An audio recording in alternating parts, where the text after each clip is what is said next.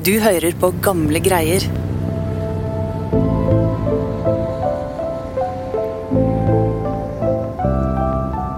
Vinteren har kommet til Trøndelag, og en gruppe sørsamer har samlet seg for å diskutere et jobbtilbud.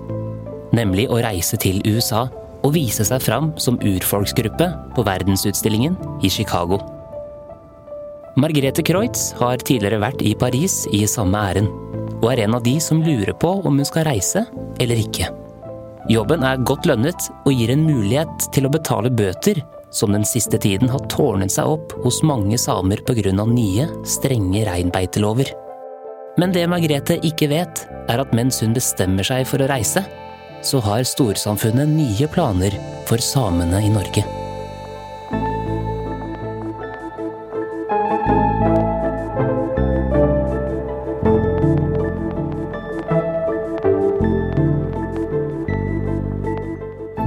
På Gamle greier, en historiepodkast fra Nasjonalbiblioteket. Jeg heter Lars Hammeren Risberg.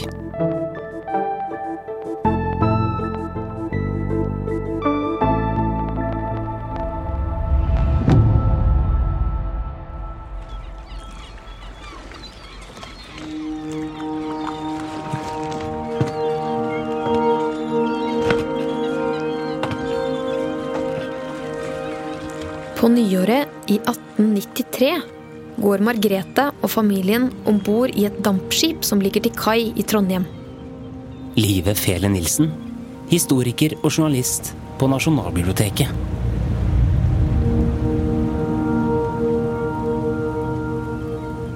Familien Kreutz tilbringer dagene på skipet sammen med de andre samene i følge.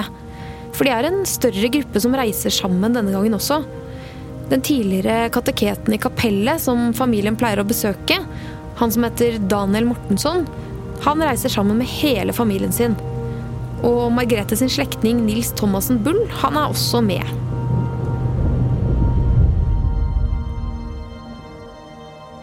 Og omsider så får følget øye på en diger statue i horisonten. Den splitter nye frihetsgudinnen som ønsker dem velkommen til New York.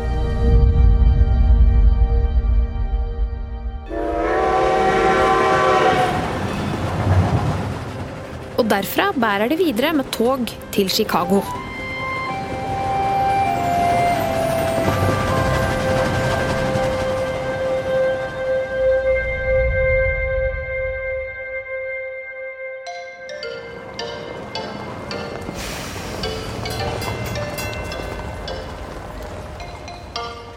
Og det som venter dem her, det er om mulig enda mer spektakulært enn det de fikk se i Paris for fire år sia. Her er det elektriske tog som suser forbi på gata. Det er reklameplakater for verdens aller første kino som akkurat har åpnet. Det er en hel masse folk som går rundt og tygger på noe som heter Juicy Fruit tyggegummi. Og i stedet for Eiffeltårnet så er det et gigantisk pariserhjul som har plass til over 2000 mennesker. Og denne utstillingen her, den er enda bedre organisert enn den forrige.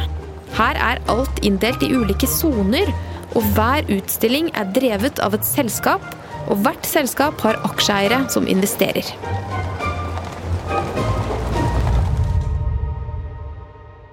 Så dette er skikkelig business. Ja, men det er ikke bare amerikanere med feite lommebøker som veit å drive business. For denne gangen her så har ikke sørsamene tenkt å la seg utnytte. Det er jo flere som husker hva som skjedde forrige gang, da de ble sperra inne bak to meter høye gjerder. Så denne gangen her så krever de bedre forhold og mer lønn. Og det går ganske bra med disse kravene. Ok, hva vil det si? For å si det sånn, da. Hvis du er en enslig enke hjemme i Trøndelag på denne tiden, så får du utbetalt fem kroner i måneden av fattigkassa. Mens her får de fleste av de voksne mellom 14 og 28 kroner i uka. Så her rigger de seg til med alt de har med seg av reinsdyr, kofter, og alt de skal vise fram til publikum. Ja, og denne gangen får de også bevege seg rundt. Og mens de tar en runde og ser seg om på dette utstillingsområdet, så er det mye som får dem til å sperre opp øynene.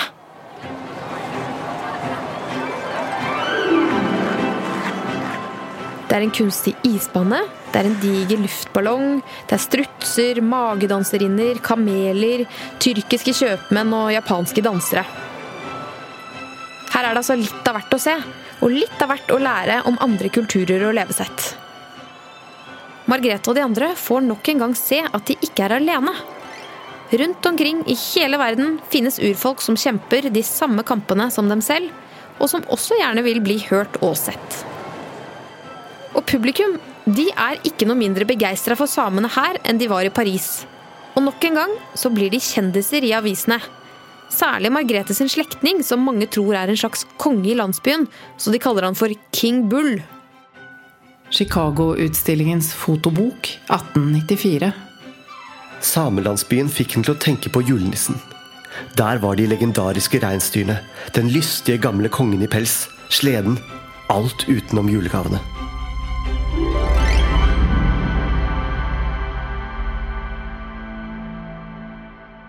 Men så er det jo sånn da, at denne utstillingen har et mørkt bakteppe.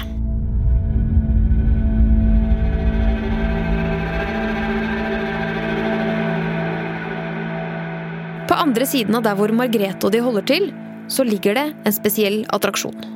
Nemlig hytta til høvdingen Sitting Bull. Sitting Bull han var en berømt høvding for det amerikanske urfolket lakotaene. Og han hadde blitt drept i nettopp den hytta bare noen få år tidligere. Og nå, når Margrethe og de er der, så kan publikum se et show utenfor den hytta som gjenskaper kjente slag mellom den amerikanske urbefolkningen og amerikanske soldater. Og dette her er bare noen tiår etter at urbefolkningen måtte gi tapt for amerikanske styrker en gang for alle.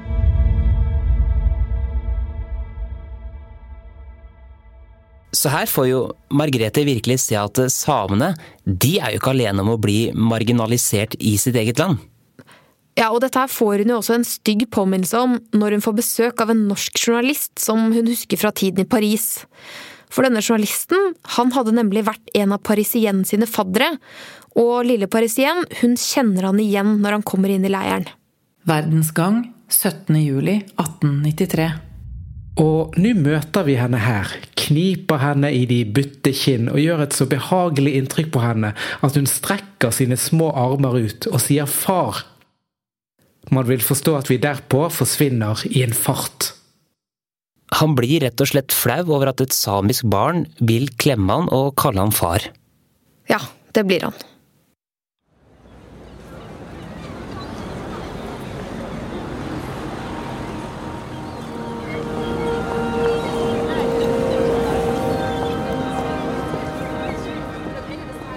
Tid etterpå så er utstillingen ferdig.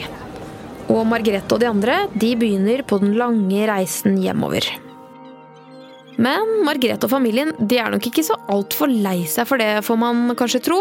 For de har jo nå lommene fulle av penger som klirrer mens de går om bord i dampskipet som skal ta dem med tilbake til Norge. Ja, og nå kan de jo virkelig leve det gode liv. De har i hvert fall en god del mer å rutte med enn før de dro. Og det gjør dem jo bedre rusta enn de fleste til å deale med de urettferdige lovene. Og vel hjemme i Norge så slår de seg ned nord for Røros, i et sted som heter Haltdalen. Og der blir de nesten kjendiser. Folk strømmer til der de bor og setter seg ned for å høre dem fortelle om den utrolige reisen de har vært med på, og alt det de har opplevd i USA. Og de forteller jo disse tilhørerne om det gigantiske pariserhjulet og juicy fruit og alt det andre fremmede og eksotiske.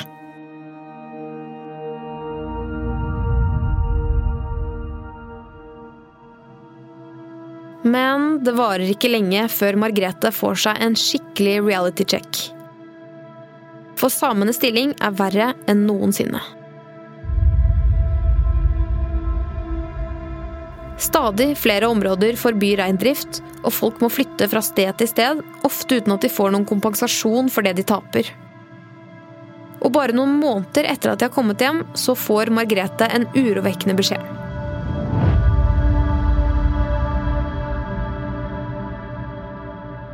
Det som har skjedd med så mange andre sørstammer, er i ferd med å skje med hennes familie også. 35 av bøndene i området har gått sammen for å prøve å jage vekk samene i området. og nå vil de ta Margrethe og de andre for retten. Saken til familien Kreutz kommer opp. Og den ender med at Margrethe og familien skal få lov å fortsette å bo der, men ikke mer enn fem år. Da må de flytte. Og kanskje denne saken kosta dem det de hadde av penger. Kanskje de havnet i andre erstatningssaker ettersom lovene ble strengere og strengere og reinbeitedistriktene ble mindre. Det vet vi ikke, men det vi vet, er at en dag i 1897, fire år etter at de kom hjem fra Chicago, så reiser Anders til USA igjen. Og denne gangen kommer han ikke tilbake.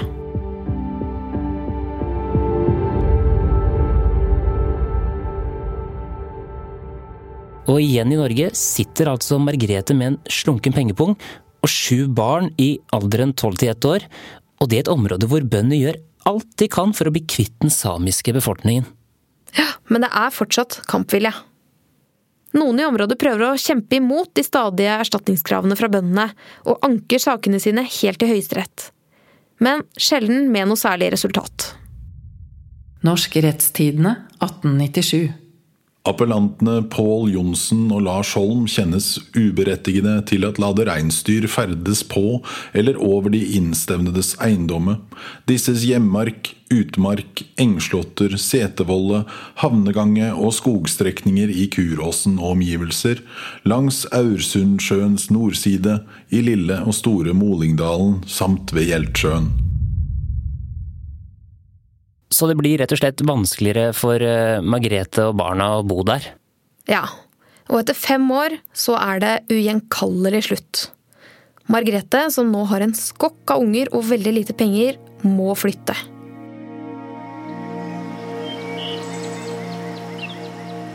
Våren 1899 får Margrethe og barna øye på sitt nye hjem, tilbake på grensa mellom Norge og Sverige, i bygda i Strådalen.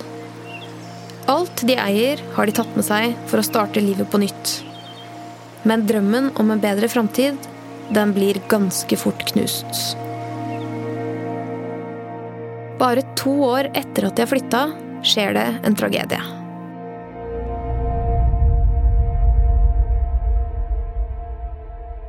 Ni år gamle Anna-Lisa dør av tuberkulose. Og bare én måned etter så ligger det en ny datter i sykesenga.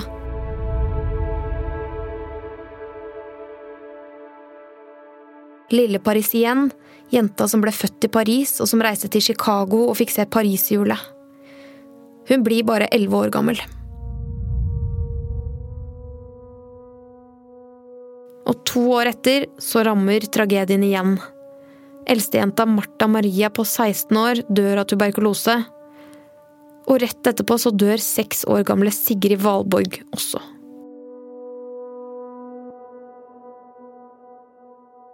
Det finnes et bilde av Margrethe fra 1908. Hun sitter rakrygget på en pinnestol og stirrer rett inn i kamera. Hun er 45 år gammel og har mistet fire av sine syv barn, til tross for at hun hele livet har kjempet for å skaffe familien en bedre framtid. Så Margrethe har mistet nesten alt hun har i livet. Hva gjør man da? Nei, hva gjør man da? Det er jo helt umulig å se for seg en sånn situasjon. Men på et eller annet vis så klarer Margrethe å stable seg på beina igjen og begynne å tenke på fremtiden til de gjenlevende barna sine.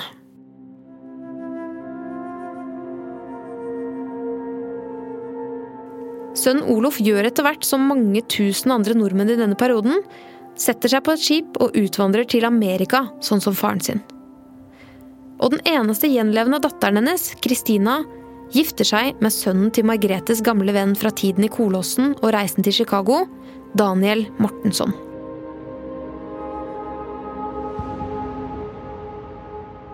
Og nå begynner ting endelig å skje. Samerettskampen den er i støpeskjeen og Margrethe hun er i begivenhetenes sentrum. For svogeren hennes Daniel Mortensson han tar en lederrolle i å organisere denne kampen, sammen med aktivisten Elsa Laula Renberg. For folk er jo nå luta lei av reinbeitelovene, og de har begynt å organisere seg for å kjempe imot. I 1907 blir det stifta en sameforening i Sør-Trøndelag. Og Året etter kommer Daniel Mortensson i audiens hos kongen og statsministeren og ber om at det samiske folket må bli hørt i reinbeitesaken. Vest-Finnmarkens sosialdemokrati, torsdag 11. januar 1917. I den aller siste tid har tanken om organisasjon av lappene skutt rask vekst. Flere foreninger er dannet med dette for øye. Og kanskje har reisene til utlandet gitt Margrethe, Daniel og de andre som kjemper, en fordel. De har erfart hvordan man kan stå sammen for å kreve sin rett i vanskelige forhandlinger. Og de vet at de ikke er alene. Ute i verden finnes det andre urfolk som kjemper de samme kampene. Og ikke minst så har de fått kontakter i embetsverket hjemme etter at de kom hjem som lokalkjendiser, som gjør at de får snakke med de riktige folka. Når det aller første samiske landsmøtet blir arrangert i 1917, så er Margrethe på plass, i rapte, kofte og sjal, og lar seg fotografere sammen med de andre, mens hun stirrer rett inn i kamera.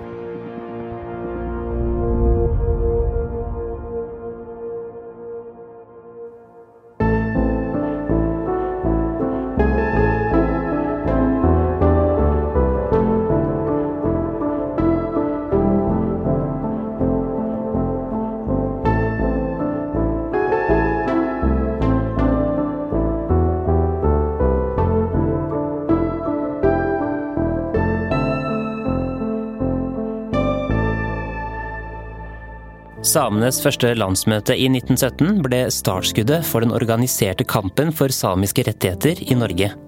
Det ble også utgangspunktet for det som senere skulle etableres som samenes nasjonaldag 6. februar. Den dag i dag er samenes reinbeitedistrikt fortsatt en betent politisk sak. Men mennesker på utstilling, det er det slutt på. Selv om det skulle ta flere tiår etter Margrethes død før man sluttet med praksisen i Europa. Du har hørt episode to av historien om Margrethe Kreutz. Episoden er laget av Live Fele Nilsen, Dang Trind, Ragna Nordenborg og meg, Lars Hamren Risberg. Konsulenter for episoden var Berit Hedemann og Andreas Berge. Kilder til episoden var Margrethe Kreutz historie 1863 til 1922, ei utstilling produsert av Tromsø museum. Av Katrine Baglo. Privatarkivet etter Christian Nissen Nasjonalbibliotekets avisarkiv, Rørosmuseet.no, kvinnehistorie.no og En samisk verdenshistorie av Hugo Lauritz Jensen. Og utstillinger av samer i tida 1822 til 1934, en artikkel av Katrine Baglo, publisert i tidsskriftet Ottar. Du har hørt musikk fra Epidemic Sound og Therese Aune. Du finner mer av Thereses musikk på thereseaune.com, eller der du strømmer musikk til vanlig. Mitt navn er Lars Hamren Risberg. På gjenhør.